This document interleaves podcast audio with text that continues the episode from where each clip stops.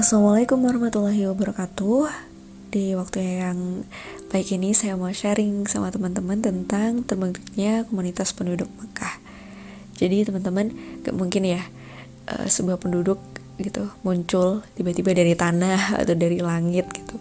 Selalu ada sejarah yang melatar belakangi kenapa sekelompok penduduk itu mau menempati sebuah wilayah sebuah daerah gitu. Selalu ada sejarahnya termasuk uh, terbentuknya komunitas penduduk Mekah. Kenapa penduduk-penduduk ini akhirnya sampai di Mekah gitu. Jadi ternyata sejarahnya itu berawal dari sejarah Nabi Ibrahim alaihissalam. Saat itu Nabi Ibrahim alaihissalam diperintahkan oleh Allah Subhanahu wa taala untuk membawa istrinya yang bernama Siti Hajar dan anaknya yang bernama Ismail ke Mekah. Di Mekah itu setelah sampai di sana Mekah itu nggak seperti yang sekarang gitu ya jadi gak ada penduduk sama sekali. Jadi saat itu hanya tiga orang nih, Ismail, Siti Hajar, dan Nabi Ibrahim. Tapi akhirnya Nabi Ibrahim pergi ya, pergi lagi ke Syam. Tersisalah Siti Hajar dan Ismail. Sepi, gak ada siapa pun, gak ada tanaman, tidak ada hewan gitu ya.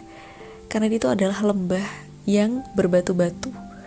Saat itu Siti Hajar sebelum ditinggalkan oleh Nabi Ibrahim bertanya kepada Nabi Ibrahim, kenapa engkau meninggalkan kami di sini? Di sini tidak ada apa-apa gitu kan.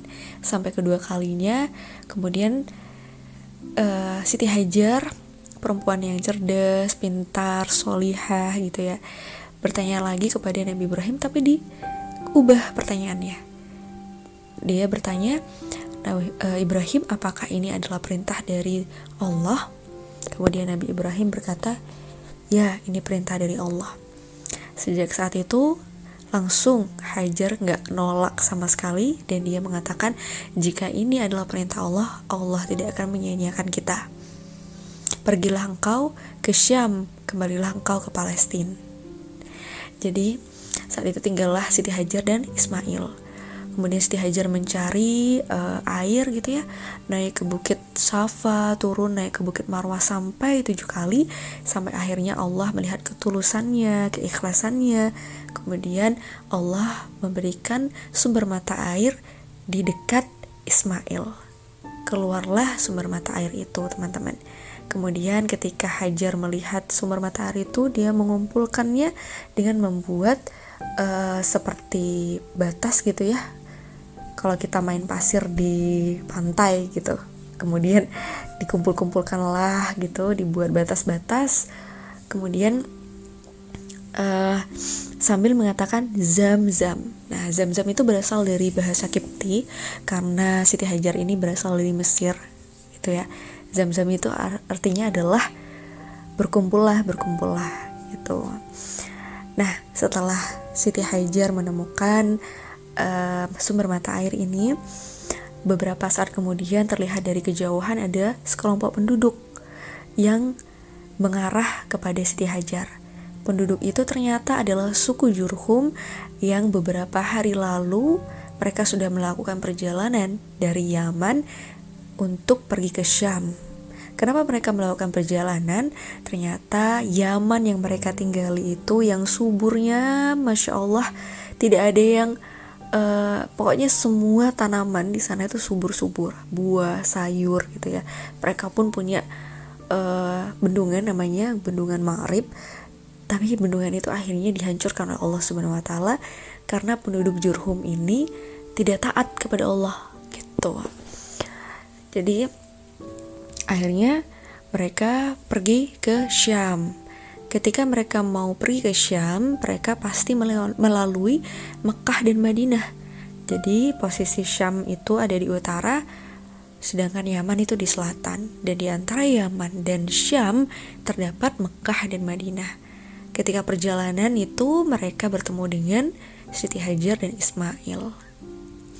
Di situlah mereka kemudian melihat ada mata air gitu ya. Dan mereka meminta izin kepada Siti Hajar, bolehkah tinggal di sini bersamamu? Begitu.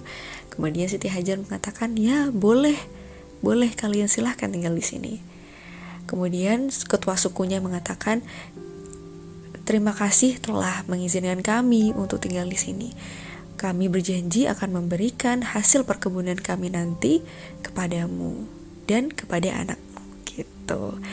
Dan dikatakan oleh para sejarawan saat itu di hari yang bersamaan di mana Nabi Ibrahim meninggalkan Siti Hajar di lembah yang tandus itu yang sekarang menjadi kota Mekah yang indah sekali dengan Ka'bahnya gitu ya. Di saat yang bersamaan ternyata Allah membuat gitu ya, mengizinkan penduduk Jurhum untuk tinggal di sana.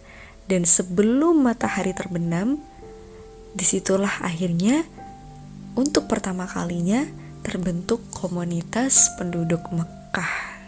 Masya Allah, jadi Allah menjawab doanya Nabi Ibrahim dan juga Siti Hajar dengan cepat gitu ya. Dan betul apa yang dikatakan oleh Siti Hajar, Allah tidak akan pernah menyia-nyiakan hambanya selama hamba itu menaati apa yang diperintahkan oleh Allah. Gitu.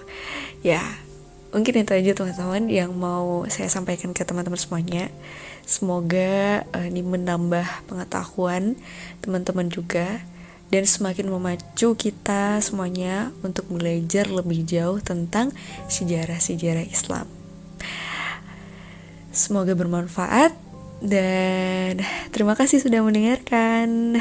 Silahkan share ke teman-teman yang lain oke? Okay? Assalamualaikum warahmatullahi wabarakatuh